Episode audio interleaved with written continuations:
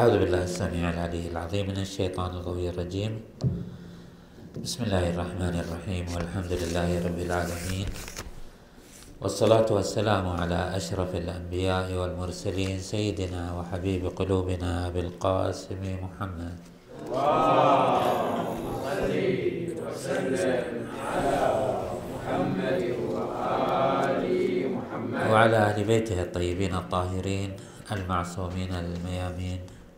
بسم الله الرحمن الرحيم. ولو ترى إذ الظالمون في غمرات الموت والملائكة باسطوا أيديهم أخرجوا أنفسكم اليوم تجزون عذاب الهون بما كنتم تقولون غير الحق وكنتم عن آياته تستكبرون. صدق الله العلي العظيم. الكلام في الموت وما بعد الموت وما يترتب عليه من آه، أحوال الإنسان. قلنا أنه في سلسلة حركة الإنسان التكاملية بعد أن كان موجودا في آه، مقامات النور وقريب من الملائكة والعرش ومقامات آه، نعم الفطرة والكمال المطلق والتجرد التام نزل في عدة مراحل إلى أن أصبح في هذه الدنيا. ثم بعدها وهو في هذه الدنيا يعتبر هو خليفة الله في أرضه ثم بعد ذلك تأتي مرحلة الموت وما يليها. مرحلة الموت وما يليها يمكن أن توضع تحت ثلاثة خطوات بشكل عريض وإلا في كل خطوة فيها تفصيلات.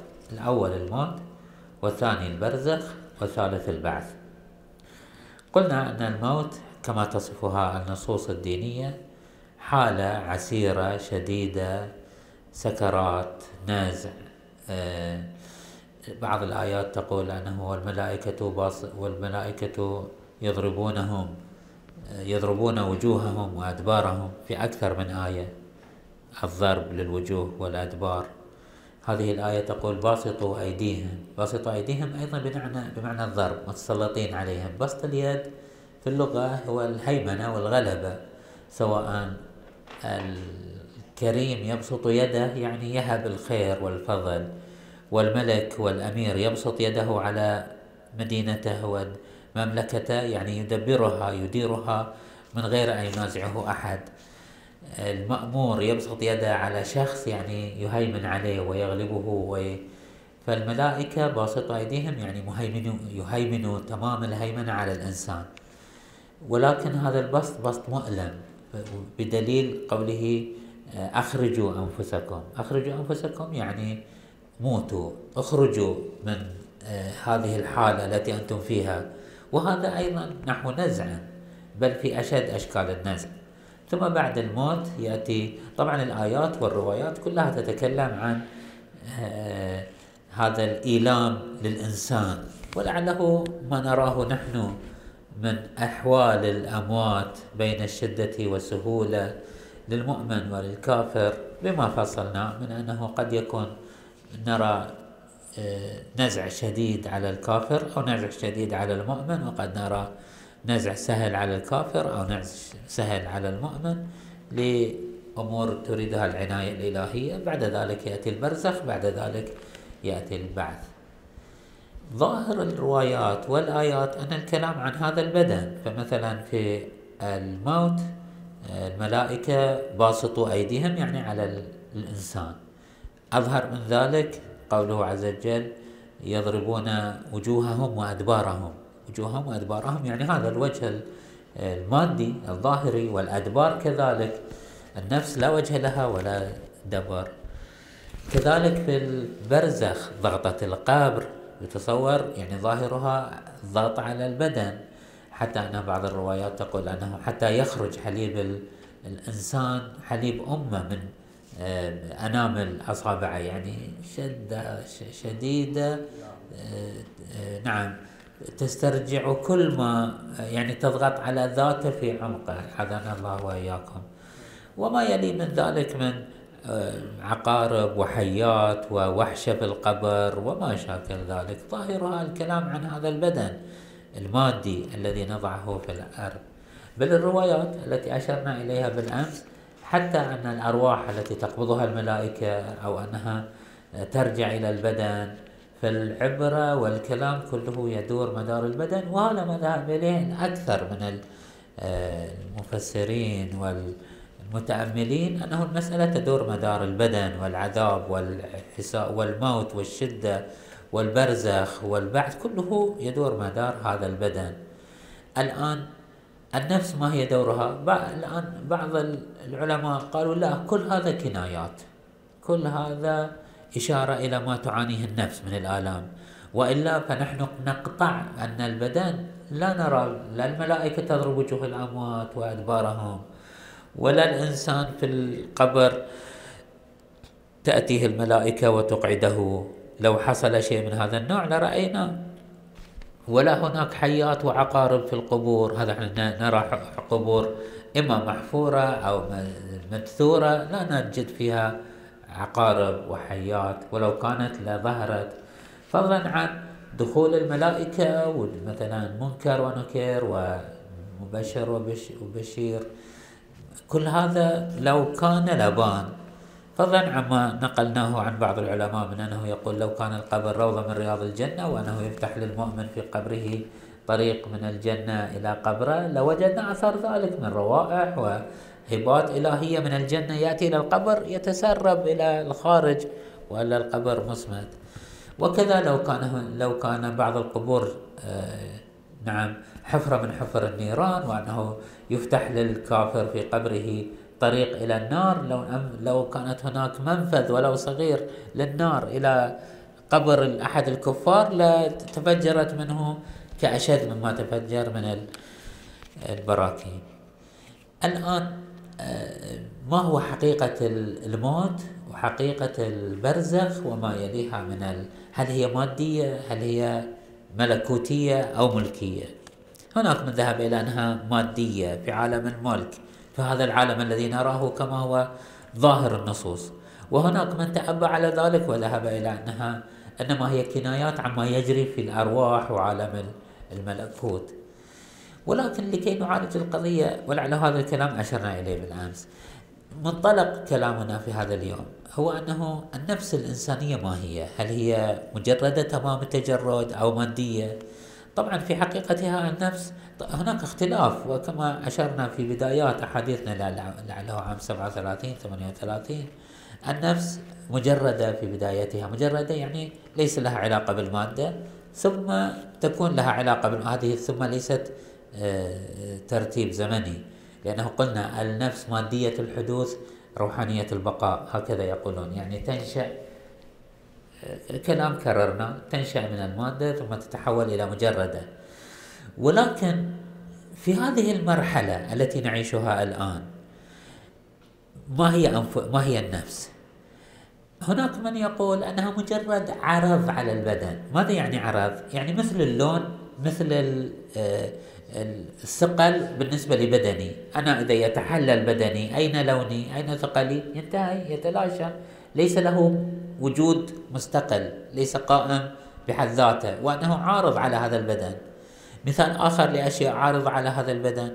هذه مثلا الصبغة العامة. كون أن هناك استقامة في بدني أن هناك مثلا آه، هيئة معينة بمجرد أن ينحل هذه البدن تذهب هذه الهيئة صحيح؟ هناك من يقول أن الروح ليست إلا هذه الهيئة التي تتشكل من البدن. فإذا انحل البدن ذهبت هذه الهيئة. على هذا الكلام لا يوجد شيء اسمه برزخ عندهم. يقولون البرزخ إنما هو فاصل زمني بين الموت والبعث. لا يوجد شيء آخر. وطبعا البرزخ على أنه الآية نصصت على وبينهما برزخ أو نعم ومن ورائهم برزخ إلى يوم يبعثون. هذه يقول ظاهرها ذلك وإلا فهناك من ينكر البرزخية. ليس ضرورة من ضروريات الدين. لا أدعوكم إلى نكران البرزخ لكن أقول هناك من أنكر البرزخ لأنه لا يرى للنفس آه، تجوهر واستقلالية في الوجود. ولكن هذا القول ضعيف. القول الأكثر والأصح هو أنه للنفس جوهرية باقية. خلقتم للبقاء ولم تخلقوا للف... لم تخلقوا للفناء. بعد أن ينهار هذا البدن تبقى النفس. هل البرزخ اللي هو حالات بدنية أو حالات للنفس نحن ما نريد أن نقرره في هذه الليلة هو أن البرزخ برزخ نفساني وليس برزخا بدني. يعني النفس هي التي تدخل في حالة برزخية. ماذا يعني النفس تدخل في حالة برزخية؟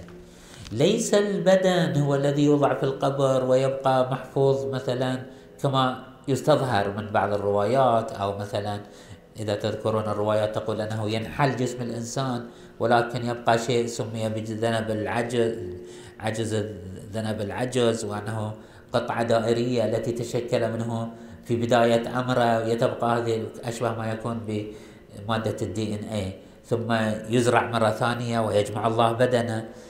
هذا ظاهر بعض ال... بل حتى الأرواح التي تنتزعها الملائكة قرأنا لكم البارحة الرواية عن الإمام الصادق أنها ترجع إلى القبر أو أنه البرزخية حالة نفسية للنفس. نفس برزخية. ماذا يعني نفس برزخية؟ نرجع إلى سلسلة الأحاديث التي قلناها في بداية الحديث عن هندسة النفس ومركزية المعتقد.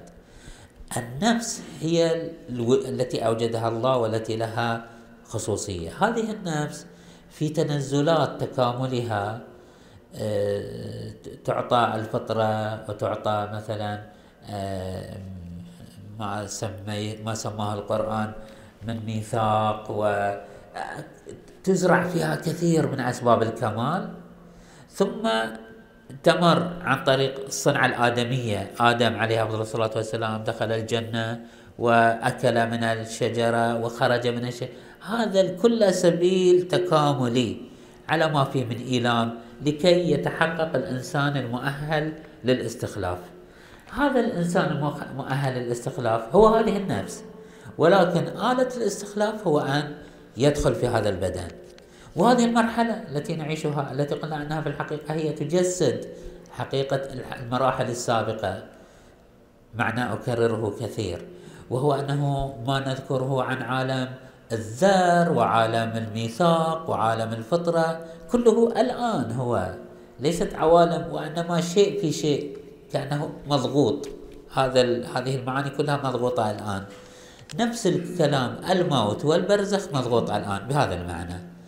أنه أنا نفسي في يوم من الآي مو في يوم من الأيام أنا نفسي عندما وجدت وجدت مفطورا أخذ أخذ علي الميثاق.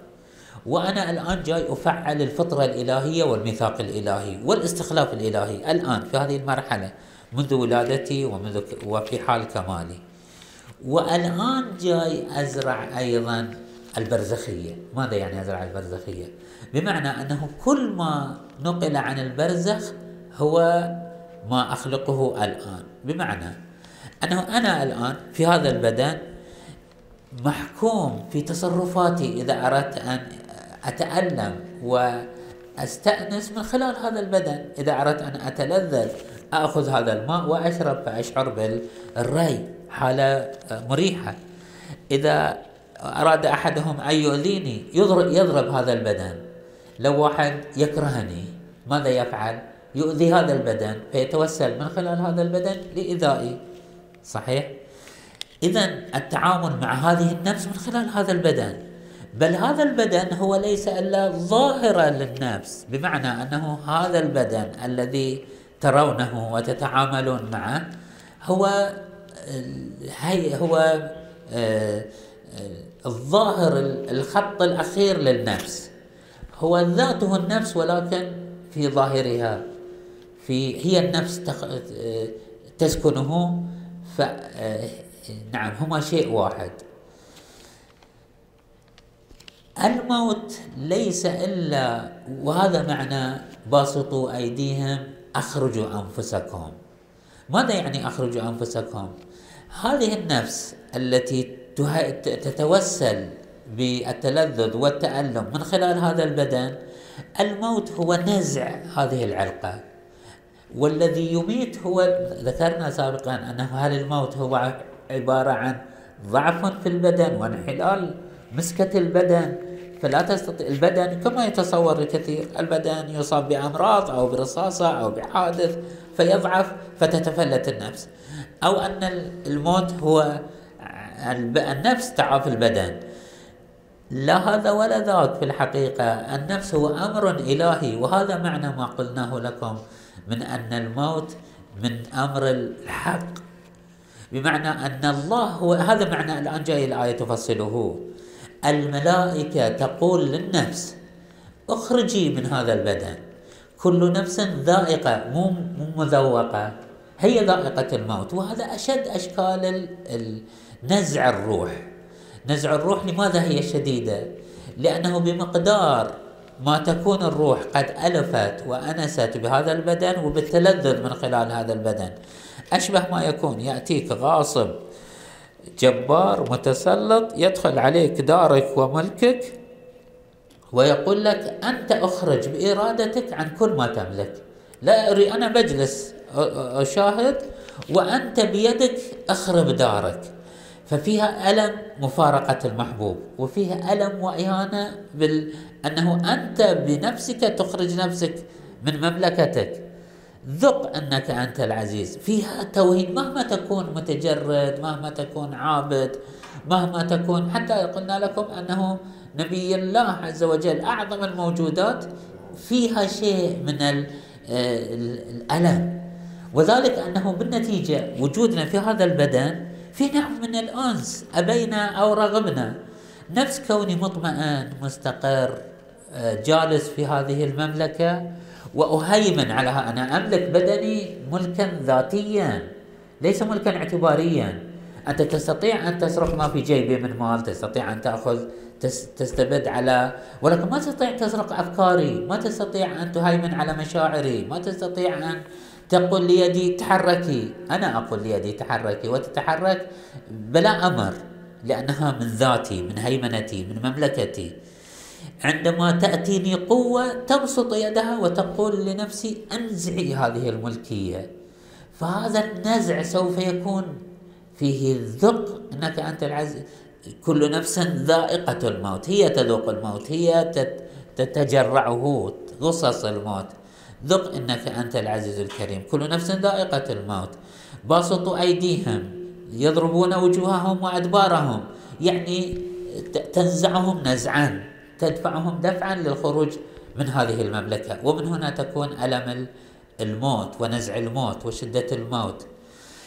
آه، بعد ذلك يأتي البرزخ. ما معنى البرزخ النفسي؟ أنه أنا في هذه المرحلة الوجودية أتعامل مع كل شيء من خلال هذا البدن.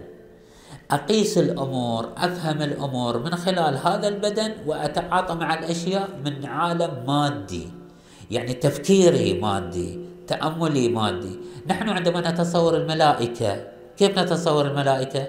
نصور وجودات محدودة زمانا ومكانا تتنزل وتصعد كما هو بدني الآن؟ بمعنى أنه نفسي المجردة كانت في يوم ما تعيش مع العقول ومع الأنوار جاءت إلى هذا العالم وتقيدت واندكت واختلطت وصبغت بواقع هذا البدن حتى أصبحت أنا.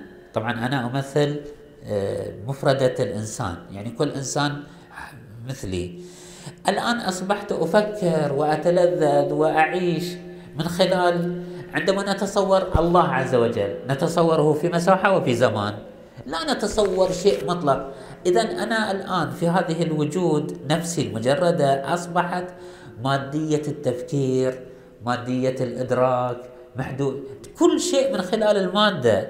ولذلك حتى عندما تحدثنا الروايات عن أحوال البرزخ نتصور أنها مشابهة لهذا العالم. لا أحوال البرزخ ليست مشابهة لهذا لا أحوال البرزخ حالات نفسانية. بمعنى أنه عندما تخرج النفس تبقى هذه العلقة الوثيقة. عندما يموت الإنسان يبقى هذا الموجود الذي اعتاد على أن يعيش مع الأمور من خلال هذا البدن. تبقى عنده علاقة بهذا البدن. وهذا معنى النفس أن النفس ترجع إلى القبر ومرتبطة بالأجداث ومرتبطة بهذا البدن. هذا العمر المديد والعلاقة الوثيقة بين نفسي اللي هي الروح. وبين هذا البدن لا تنفك بمجرد الموت. تبقى أتحسر على هذا البدن.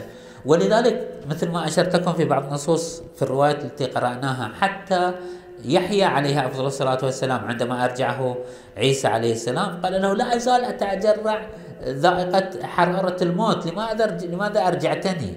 الآن تذيقني حرارة الموت مرة ثانية. بمعنى أن الروح عندما تخرج من هذا البدن تبقى مرتبطة بهذا البدن. فكل ما يجري على هذا البدن تبقى كأنه ت... الآن لاحظوا هذا المعنى. أريد أن أبين لكم شيء.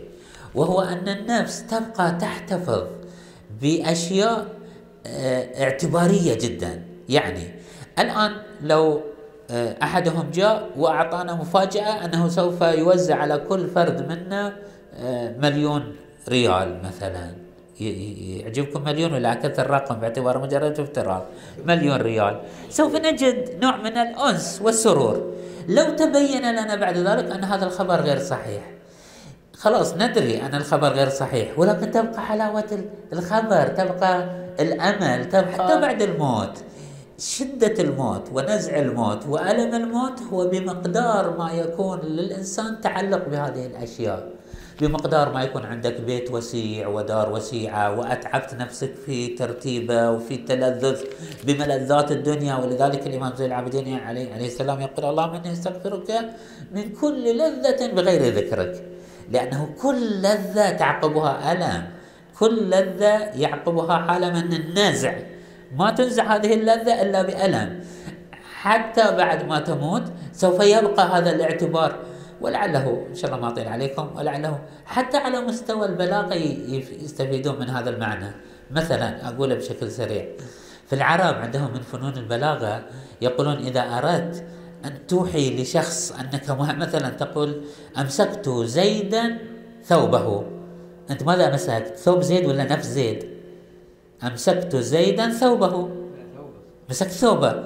ولكن الصورة اللي تبقى في مخيلتك أنك أمسكت بكل زيت كأنه جرادة ومسكت بيدك.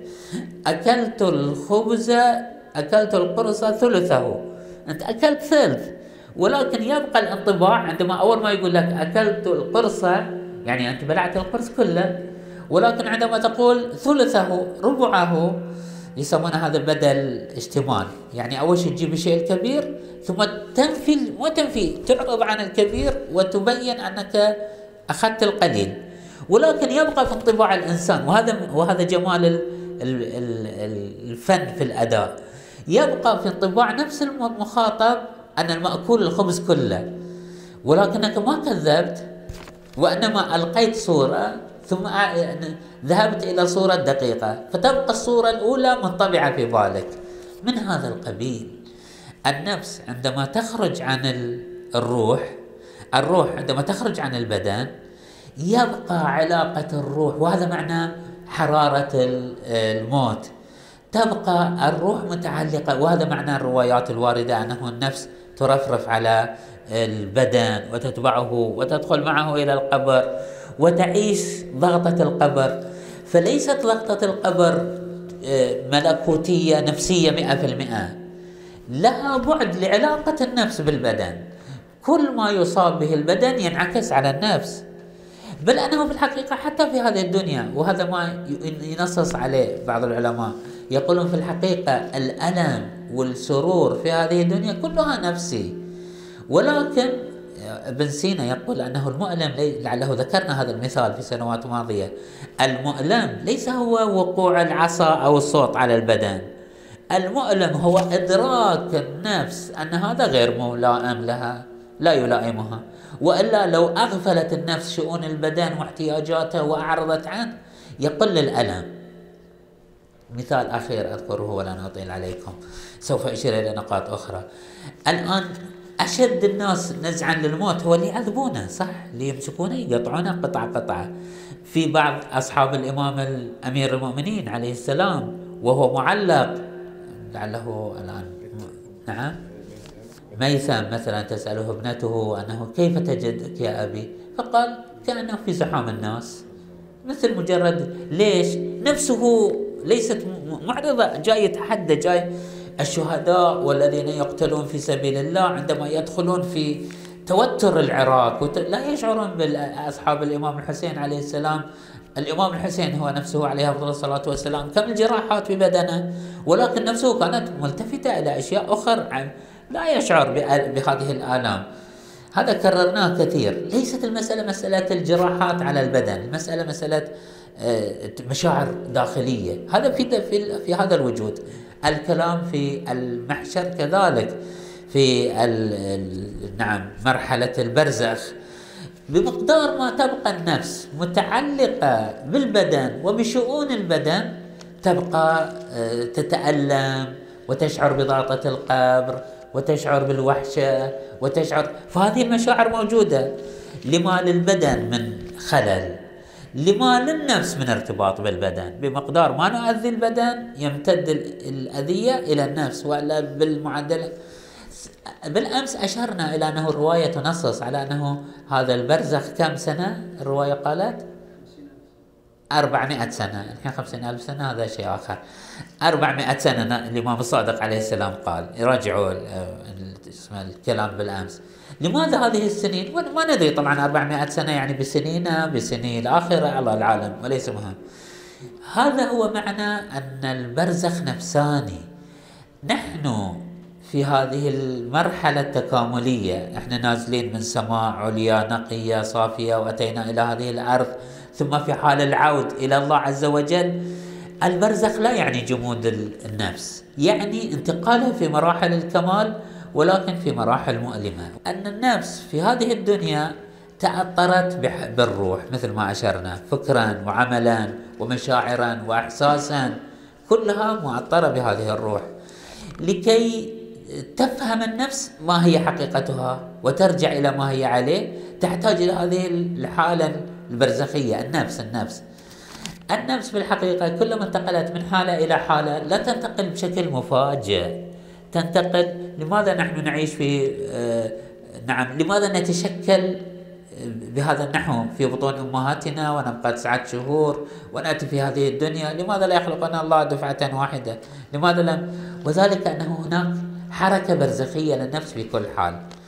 البرزخ ليس مجرد فترة زمنية، البرزخ فترة انتقالية تجتمع فيها أخلاق الحالة السابقة بأخلاق الحالة اللاحقة. بمعنى أنا الآن في هذه الدنيا لا أستطيع أفكر ولا أستطيع أفهم ولا أتحسس في الأشياء ولا أتذوق الأشياء إلا من خلال هذا البدن. في الجنة سوف تذهب روحي. روحي هناك سوف أتذوق بلذة روحية سوف أتمتع بعالم الروح. ولكن هذا لا يحصل بشكل مفاجئ. يجب أن أخلع بدلتي الدنيوية. هذا سوف يتحقق في عالم البرزخ. عالم البرزخ هو عالم نفساني ولكن تبقى علقة النفس بالروح علقة النفس والروح بالبدن. هذه العلقة تحتاج أن تنزع شيئا فشيئا. العقارب وهي هي حقائق مادية تتعرض يتعرض لها الجسم تتأذى لها النفس. شبيه بحالة الموت والروايات كثيرة في أنها تقول كما تنامون تموتون وكما تستيقظون تحيون. الحلم الحلم عبارة عن إدراكات نفسية ولكن النفس وهي ترجع إلى البدن هي تتخيل وتترجم ما رأته في عالم الملكوت ترجمة أرضية. بمعنى أنا عندما أكون نجارا وأرى شيء سعيد في عالم الملكوت في عالم الملكوت يعني في عالم الواقع يعني في عالم التقرر الخارجي لا صل على محمد وآل محمد اللهم صل وسلم على محمد وآل محمد. الواقع موجود. يعني أنا في كت... في أن الله كتب لي في عالم الواقع أنه مثلا سوف أرزق بمال عظيم. أنام في الليل وأرى ذلك الواقع. ولكن أراه كما هو واقع. عندما أرجع إلى نفسي التي ذهبت إلى عالم الملكوت وهي ترجع تبقى عندها لذة ذاك الواقع الذي رأته لذته لا صورته بالتمام. الآن أنا باعتباري نجار تخيله لي أنني صنعت آه، كرسيا جميلا. ليش؟ هذه شغلتي هذا اللي دائما اتخيله دائما اعيشه يقال ابن ابن سيرين إذا جاء يفسر لأحد المنام يقول له هذا ماذا تشتغل؟ الشغل الذي تشتغله سواء أنت عندما تشتغل بالخياطة كل شيء تترجمه خياطة، عندما تشتغل خباز كل شيء تترجمه بال... يعتمد على الخبز، يقال بعض الشعراء قال شعرا فقال له أحد أنت خباز في الاصل أو لأنه ألفاظ الخباز تبقى في ذهنك تصورات الخبز تبقى في بالك. كذلك الإنسان في هذا العالم في عالم البرزخ عندما يتأذى بدنه يترجمه بالعقارب والحيات لأنه في هذه الدنيا المادية أذى شيء له العقارب والحيات ثم بعد ذلك يأتي مسألة الحشر وسوف نتحدث عن الحشر هل هو خاص؟ الآن في مسألة البرزخ علاقة هذا الموجود البرزخي بأهله وأنه الرواية تقول أن النفس ترجع إلى أهلها. ما الذي يفيد الإنسان في عالم البرزخ هل هو يتكامل أو لا يتكامل؟ كل هذه الأمور سنشير إليها إن شاء الله في الجلسة اللاحقة. فقط أقول الآن أنه هذا مرحلة تكاملية للنفس الإنسانية. في حالة البرزخ يراد أن تنتهي علقة الإنسان المادي إلى أن تصبح إنسان مجرد. وهذا التجرد هو الذي سوف يفتح له آلاف الأنواع اللذات. إشارة أخيرة على أنه أطلت الليلة. أقول أشد الألم هو الذي يباشر الروح مباشرة. بل حقيقة الألم هو ما نسبة ما يصل إلى الروح. ولذا أعننا الله وإياكم على سكرات الموت وآلام البرزخ. طبعا في حالة البرزخ ليس للمعصومين عليهم السلام كثير مدخلية. هذا أنت وشأنك لأنه تتفكك كل علاقاتك الاجتماعية كل ارتباطاتك. البرزخ حالة فردية أنت لازم تنزع. نفسك. وهذا معناه باسطوا أيديهم أخرجوا أنفسكم. يعني أنتم أيتها النفوس أخرجي نفسك بمقدار ما تكون مرتبط بين المادة والحياة والنفس. كلما كان هذا النزع أشد وأوجع. ولكنك حسب تعبير السيد الطبطبائي رضي الله تعالى عليه أخرجوا أنفسكم ليس أمرا مولويا. يعني مو أنه تقول لك يلا الله يخليك أخرج نفسك. لا دفع تكويني. كأنما تدفعك دفعا إلى أن ما أنت تضطر لأن تخرج. لا سبيل لك إلا أن تخرج من هذا البدن. وهذا معنى أنه الموت من باب من عالم الحق وليس من عالم الأمر.